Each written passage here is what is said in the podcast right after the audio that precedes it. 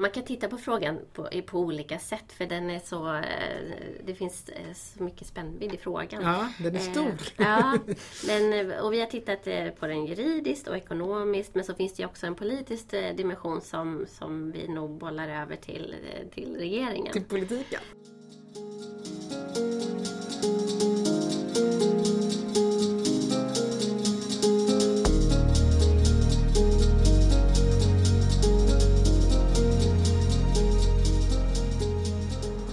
Hej och välkomna till Utrikeshandelspodden, en samtalspodd från Kommerskollegium, Sveriges myndighet för utrikeshandel, EUs inre marknad och handelspolitik. Jag heter Alexander Hernadi och är kommunikationsstrateg här på Kommerskollegium. I den här poddserien vrider vi och vänder på de frågor vi arbetar med tillsammans med olika medarbetare här på kollegiet. Vi pratar om vad vi gör, hur vi gör det och ganska mycket om varför i relation till omvärlden, digitaliseringen, globalisering och allt annat som händer just nu. Idag har turen kommit till att vi ska prata om marknadsekonomisk status, eller MES som det också brukar förkortas, och Kina, skyddsåtgärder och den pågående stålkrisen. Om hur alla dessa högaktuella frågor hänger ihop, eller kanske inte riktigt hänger ihop. Med mig till min hjälp för att reda ut det här har jag Isabella Ahlström och Martin Magnusson. Ni jobbar båda som utredare här på Kommerskollegium och jobbar med de här frågorna på WTO-enheten. Ni följer bland annat utvecklingen för UDs räkning. Välkomna hit! Tack, Tack så mycket! Lång introduktion. jag tänkte vi börjar i ena ändan. Eh, den här frågan om marknadsekonomisk status, eller MES som vi brukar säga, eh, för Kina vid införandet av antidumpningstullar är ju högaktuell runt om i världen just nu. Inte minst i EU och i USA. Man ser ofta demonstrationer i Bryssel, rödmålade plakat på nyhetssändningarna. Och även den här efterfråga, minskade efterfrågan på stål, den så kallade stålkrisen, har ju också ökat trycket på själva frågan. Men det finns egentligen en annan anledning till att frågan är aktuell just nu, eller hur? Vad är det? Väldigt kortfattat då så är, beror det på eh, att det är ett undantag från Världshandelsorganisationens, WTOs regler som, mm. som påverkar vissa tullnivåer mot Kina som, som löper ut i december i år. Och därför så, så närmar sig det här datumet och därmed blir det mer, mer eh, efterfrågat. Mm.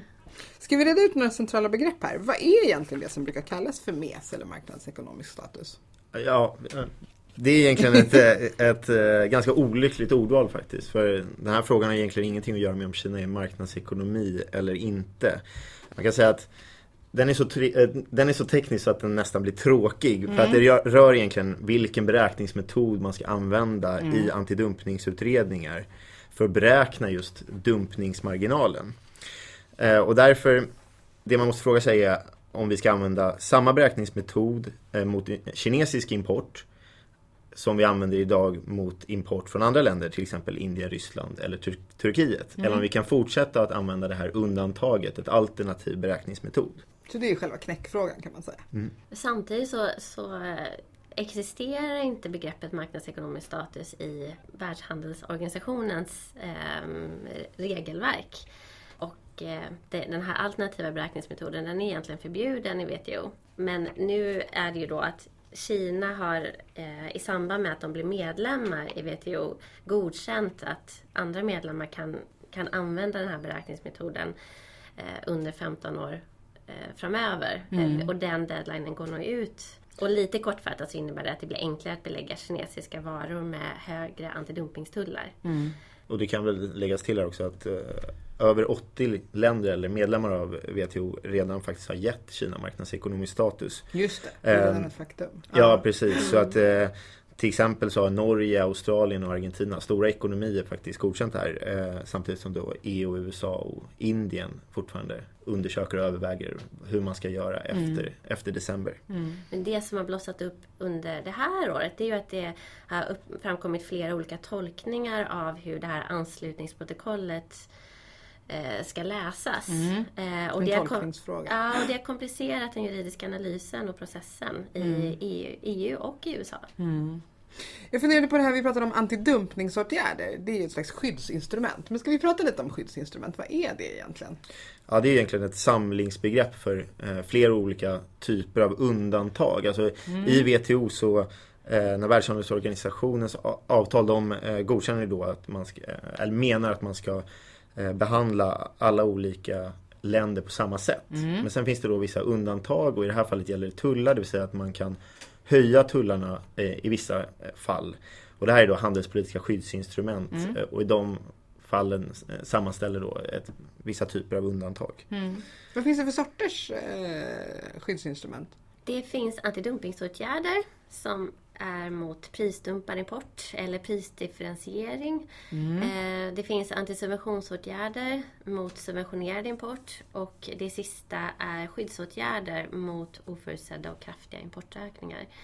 Eh, och det ska tillämpas vid import som skadar eller riskerar att skada importlandets industri om det, om det är antidumpningsåtgärder, vilket mm. är det i särklass vanligaste och mest tillämpade handelspolitiska skyddsinstrument såväl i EU som, som på global nivå. Mm. Men hörni, hur skiljer sig då utredningar mot Kina utan MES mot utredningar mot andra länder där landet har MES i fråga? Ja, men väldigt kortfattat så innebär det att EU inte erkänner de kinesiska företagens uppgifter om priser och produktionskostnader. Så när man beräknar prisdumpning eller prisdifferentiering mellan olika marknader så jämför man priset på hemmamarknaden eh, i exportlandet, det kan till exempel vara USA eller något annat land, eh, med de priserna som exportören tar när varan säljs eh, på EUs marknad. Mm. Och exportpriset lägre på ja, exportpriset lägre än hemmamarknaden så ja. anses varan vara dumpad. Men Kina då, som inte har så kallad marknadsekonomisk status, så betyder det att man inte behöver titta på Kinas eh, hemmamarknadspriser eller produktionskostnader vid jämförelsen.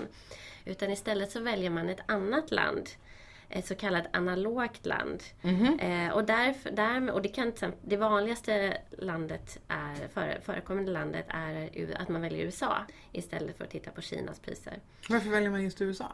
Eh, ja, det kan vara enkl, enklast att hitta företag mm. som, är, eh, som är villiga att ställa upp på en sån undersökning. Okay.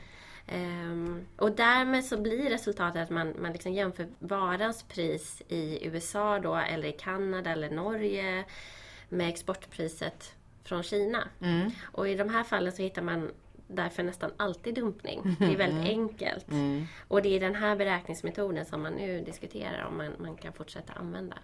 Men om det nu skulle bli så att Kina får marknadsekonomisk status, vad betyder det i praktiken?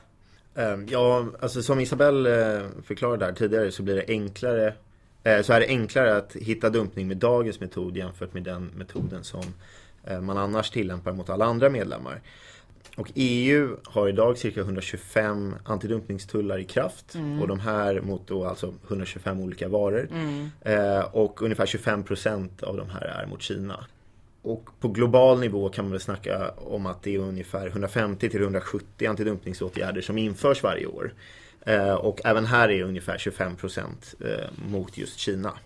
Så Kina är ju därmed det, det absolut mest eh, utsatta landet för antidumpningsundersökningar. Mm. Och den här metoden som gör att det är väldigt lätt att hitta dumpning, det är ju självklart då en, en stor anledning till att det faktiskt blir, blir just Kina som mm. man riktar in sig på. Eh, men det betyder också att antidumpningstullar kan införas även utan den här metoden. EU kan ju fortfarande införa antidumpingtullar mot Kina på samma sätt som EU inför antidumpingtullar mot andra länder i dagsläget. Ja, det är ju hela 75 procent av alla tullar är ju faktiskt mot länder som inte eller där man använder den vanliga beräkningsmetoden. En annan konsekvens är ju att tullnivåerna blir lägre. De uppskattningar som vi har gjort, eller när vi har tittat på gamla fall, eh, så hamnar tullnivåerna på drygt, eller på 20 procent i genomsnitt jämfört med i dagsläget runt, runt knappt 40 procent. Mm. Ehm, och så det är ju en, en markant minskning mm. eh, med tullnivåer på 20% Samtidigt så, vill vi, så är det bra att nämna här då att även med antidumpingtullar på 20% så brukar importen från, från det aktuella landet avstanna helt. Så att det kommer ändå få en effekt. Just det. Jag funderar lite på, vad är egentligen kollegiets bedömning i den här frågan? Har Sverige egentligen någon hållning?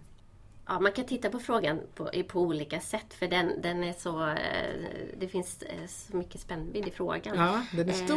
Eh, ja, den, och vi har tittat på den juridiskt och ekonomiskt men så finns det också en politisk dimension som, som vi nog bollar över till, till regeringen. Till politiken? Ja, där hör den hemma. Ja. Mm.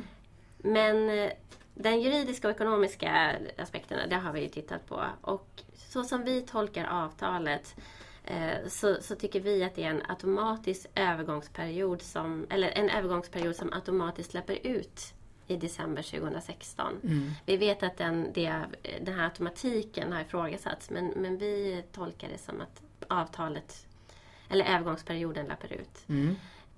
Vi tror att skulle WTOs tvistlösningsorgan titta på den här frågan, det är möjligt att de kommer göra det i framtiden, mm. så kommer de vara mycket restriktiva till att medlemmar får, får göra undantag. Och liksom, för att det handlar om, trots allt om en typ av diskriminering mot ett medlemsland. Och det mm. brukar eh, tvistlösningsorganet vara ganska restriktiva med. Okay.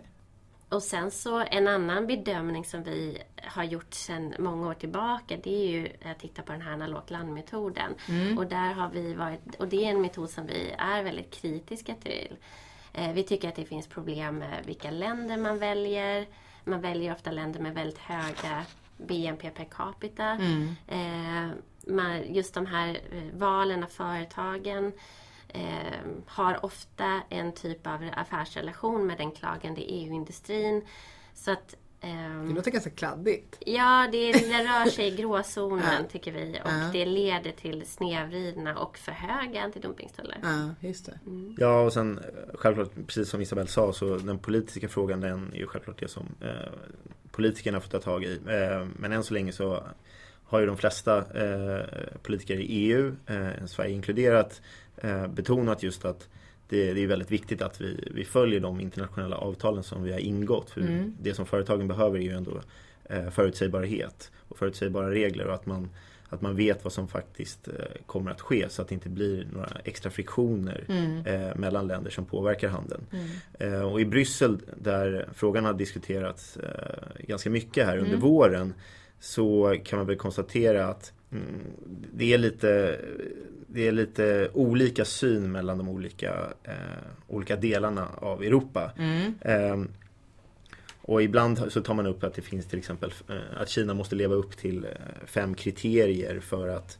eh, kunna anses vara en marknadsekonomi. Men mm. de fem kriterierna de har absolut de måste man sluta tillämpa i december. Den tolkningen gör vi Ja, ja precis. Och, och, även kommissionen har sagt det på något mm. yttrat sig om det. Mm. Um, men den underliggande logiken till det här konceptet då som att man skulle vara en icke-marknadsekonomi um, det är ju det att det skulle finnas någon form av gömda subventioner eller statlig inblandning som, som, för, som påverkar eh, företagens och exportörernas priser och kostnader. Mm. Mm. Men rent handelstekniskt så, uh, så handlar det endast då om en beräkningsmetod som vi påpekade här tidigare. Mm.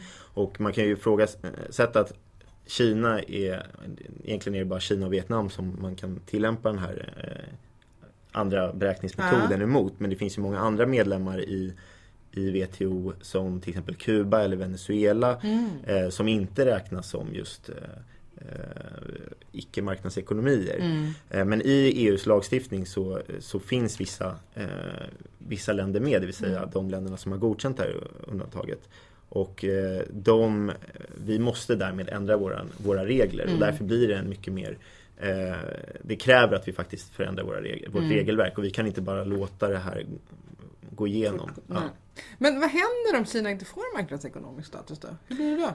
Ja, alltså, det är väldigt svårt att svara på vad som kommer hända. Eh, för att det här tar ju slut den 11 december så mm. egentligen får vi vänta till den 12 december innan vi ser vad, som, vad, vad, vad, så här, vad det här leder till ja. och vilka reaktioner. Men eh, det, så som debatten och diskussionen har gått både mellan Kina och, och, EU så är det ju tydligt att någon form av reaktion kommer det här faktiskt eh, att resultera i mm. från Kinas sida. Mm. Och Kina har ju möjlighet att dra EU inför eh, Världshandelsorganisationens tvistlösningsorgan.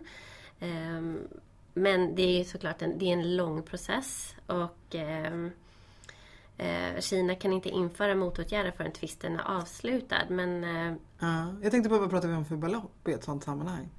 Ja, alltså det, det beror ju på. Det beror på för varje specifikt fall till fall hur mycket handel som faktiskt pågår på den aktuella varan. Ja, eh, men antidumpning och tullar är väldigt om, Eh, debatterat och det mm. är de tvisterna som oftast kommer dit och det kan vara flera mil alltså miljonbelopp, flera mm. miljoner dollar mm.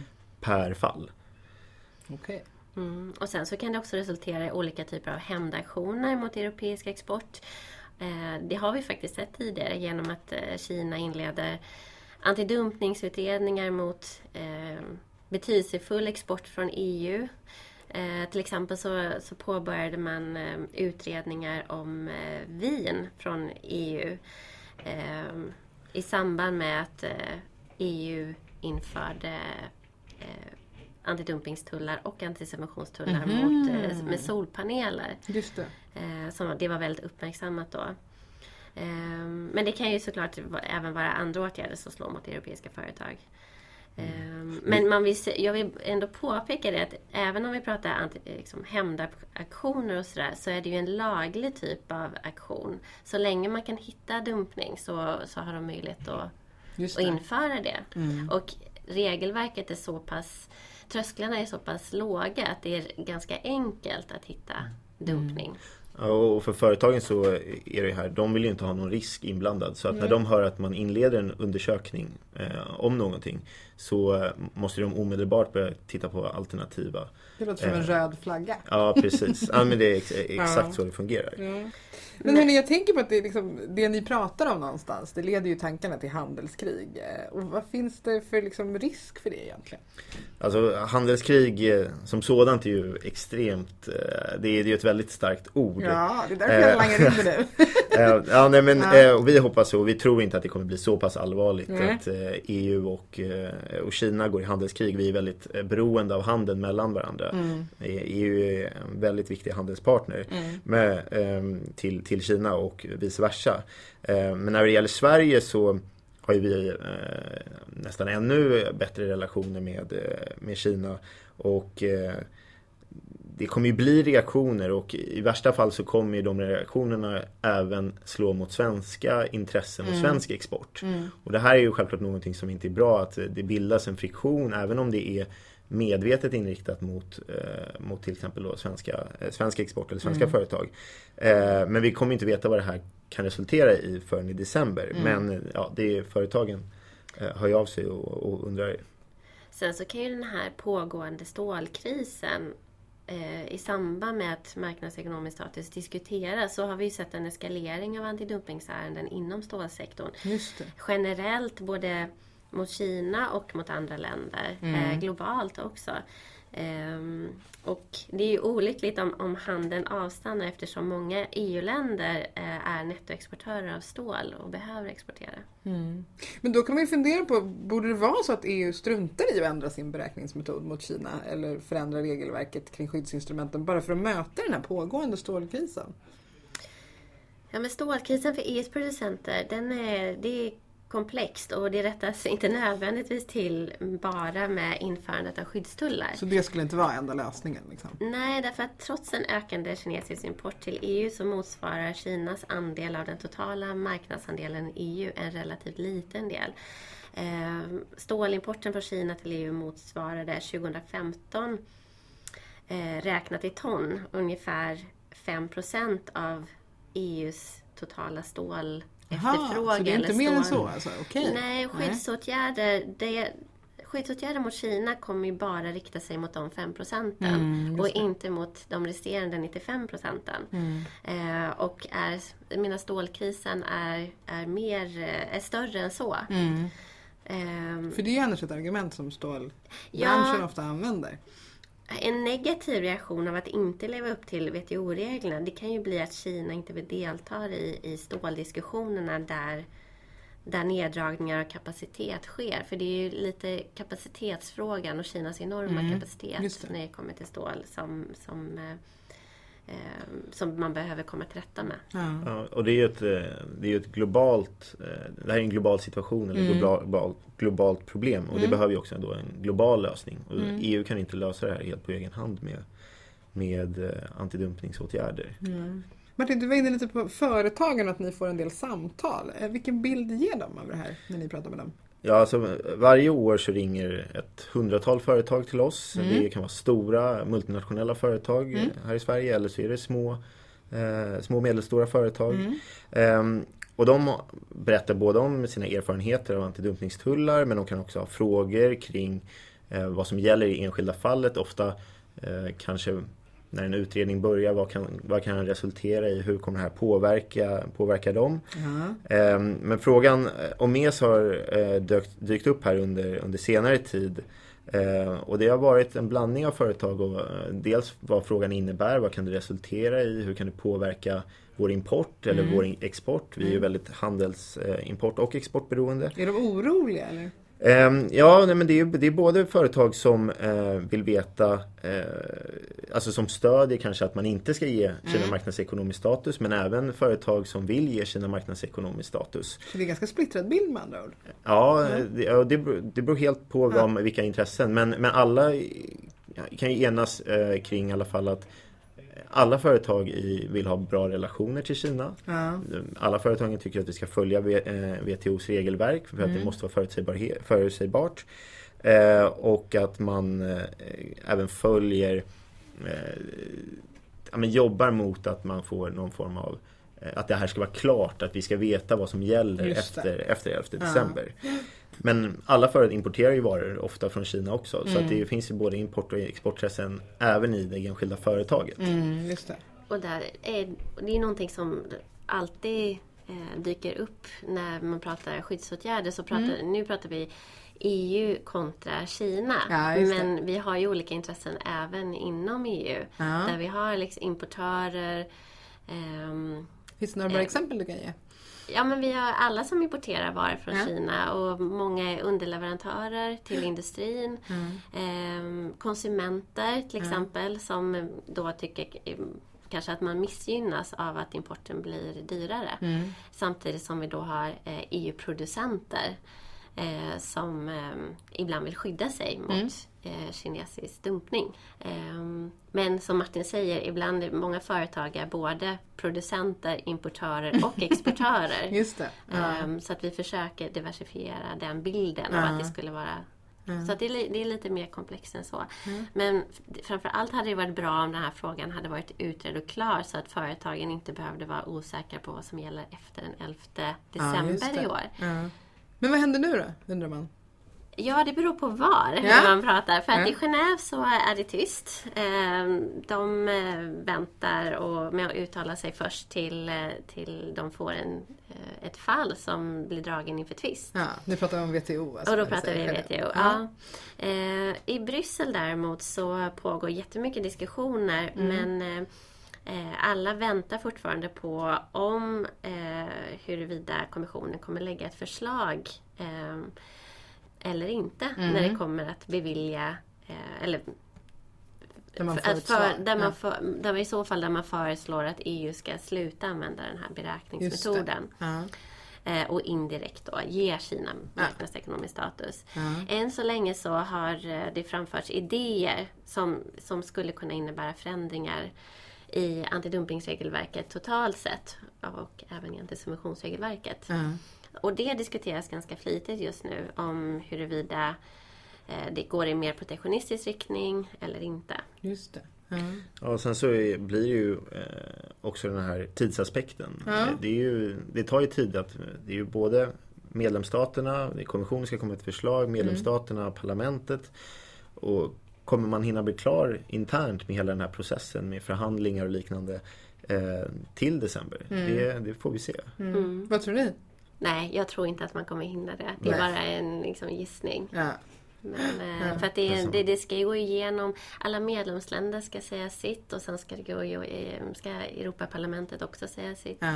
Och så bollas förslaget däremellan och det ja. brukar ta tid. Ja, just det. Men vad händer då om det inte blir klart innan? Då skjuts det bara fram. Gäller det som gäller nu fortsatt då, mm. helt enkelt? Ja, ja, och under tiden då så har ju Kina möjlighet att dra varje antidumpingsfall ja, eh, inför tvist. Eh, de kan också dra eh, EU inför tvist för att EU inte har ett regelverk som är förenligt med WTO. Mm. Samtidigt så pågår en liknande diskussion i USA. Mm. Eh, som ju inte heller har gett Kina marknadsekonomisk status. Det, det är ju samma sak där. Det är ju mm. både en teknisk och politisk fråga men de har en lite annorlunda process där de kan ändra sin beräkningsmetod från en dag till en annan medan vi i EU behöver förändra lagstiftningen. Vilket Ja. innebär att det, då behöver den gå igenom hela den här lagstiftningsprocessen Ja, ja, ja, bland medlemsländer och Europaparlamentet. Ja. Ehm, Och det, det har ju, den här frågan har ju också dykt upp under presidentvalet. Ja, det var det jag skulle komma till. ja, Precis. Där eh, de olika kandidaterna redan har uttalat sig Ja. om vad de tycker. Och det är ju att man inte ska ge Kina marknadsekonomisk status. Ja, Eh, sen får man ju se vad som händer eftersom eh, det blir ju först i december som det här måste ja just vara det. klart. Ja, precis. Eh, Jo, det, det har varit mycket he, eh, utspel i media och bland annat så just det här att man ty, eh, tycker att eh, man inte tror att den här över undantagen eh, sker. Undantagen ska löpa ut med automatik. Just det. Men om så skulle vara fallet, Mm. att eh, man behöver ändra WTOs regelverk. Mm. Och det är ju lite intressant. Eh, för att från Kinas del tror jag att man ser att det här är ju ett avtal som skrevs på för 15 år sedan. Ja, Eh, och så vill, eh, vill man nu då eventuellt ändra det. ja, Eh, så det blir lite intressant att se Ja. eh, vad, vad som händer. Mm. precis. Ja. Men hörni, tack så jättemycket för att ni kom hit och redde ut det här. Det känns lite som att vi behöver följa upp det här i höst och se vad som har hänt efter det här. Absolut. Ja, tack för att ni var med. tack så mycket.